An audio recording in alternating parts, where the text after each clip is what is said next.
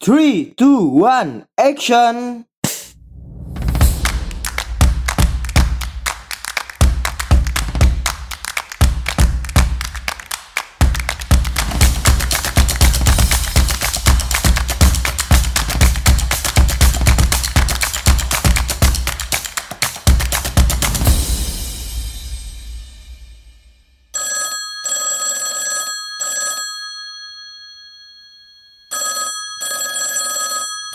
Halo, selamat datang kembali di Pod by MA, tentunya di program Anak Komunikasi.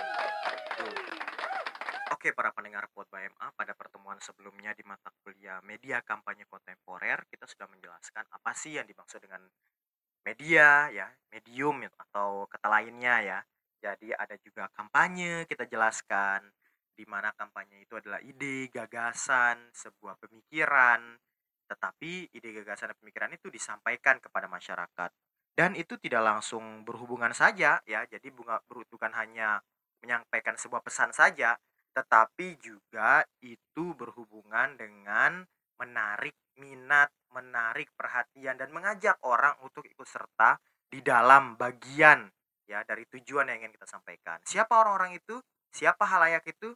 Itu adalah stakeholder eksternal. Pada pertemuan sebelumnya sudah kita jelaskan siapa yang disebut dengan stakeholder eksternal, yaitu yang berhubungan dekat dengan lembaga, instansi, kemudian kita sendiri kayak gitu ya. Tetapi dia berada di luar lingkup kita. Ya, seperti misalkan kayak kampus itu, kayak masyarakat sekitar itu adalah stakeholder eksternal. Kemudian pemerintah itu stakeholder eksternal. Kemudian apalagi ya, ada banyak banget lah gitu.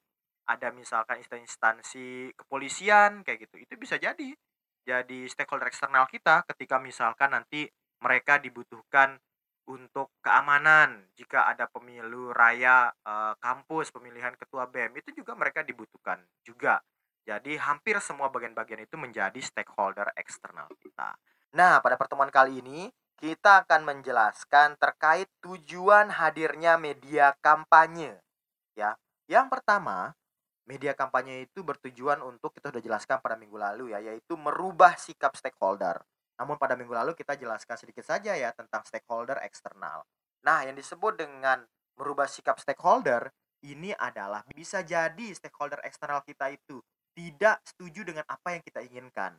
Tetapi ketika kita mengampanyekan apa sebuah informasi, mengkampanyekan sebuah apa yang kita pikirkan, mengkampanyekan visi kita, mengkampanyekan strategi kita, bisa jadi itu menarik perhatian mereka. Nah, maka pada pertemuan selanjutnya nanti ya, kita akan membahas tentang SWOT juga, jadi strength, weakness, opportunity, dan threat. Kita menjelaskan sebelum kita melakukan kampanye, kita perlu tahu dulu kelebihan kita itu apa, kekurangan kita itu apa, kemudian peluang kita itu apa, ancaman kita itu apa.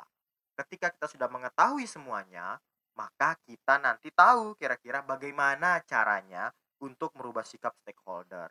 Nah, bisa juga dengan cara strategi kita harus mengetahui juga siapa stakeholder kita, apa tujuannya dia, bagaimana cara pandang mereka, atau bagaimana mereka itu menerima sebuah pesan. Sehingga kita sudah mengetahui karakteristik mereka, kita bisa masuk untuk mengkampanyekan apa yang kita pikirkan, ide dan gagasan kita. Nah, yang selanjutnya, Selain merubah sikap stakeholder, tujuan hadirnya media kampanye juga yaitu untuk menarik simpati. Ada banyak sekali ya, bukan hanya untuk merubah sikap saja, tapi juga untuk menarik simpati.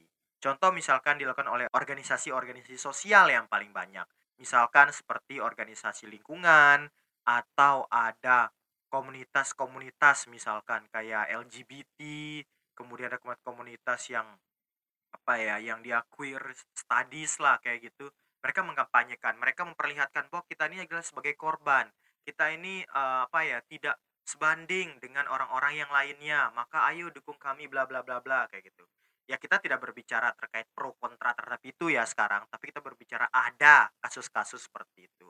Bagaimana media kampanye tujuannya adalah untuk menarik simpati sehingga masyarakat itu nantinya mau ikut serta mau mendukung bahkan ya minimal mau empati terhadap organisasi dan institusi tersebut.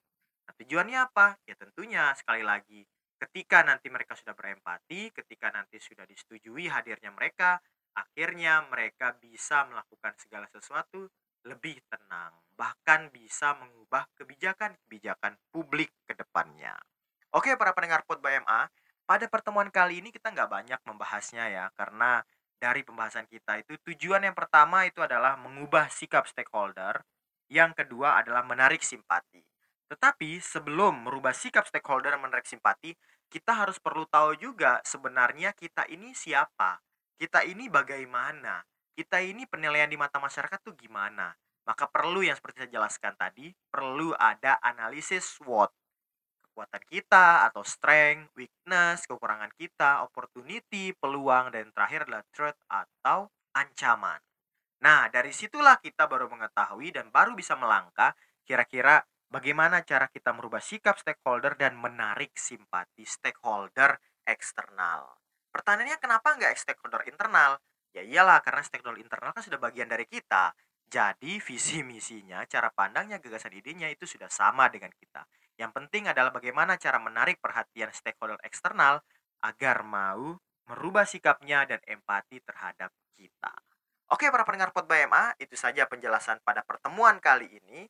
Dan pertemuan selanjutnya kita akan menjelaskan tentang SWOT. Tentunya di Pod BMA, di program Anak Komunikasi. Yo!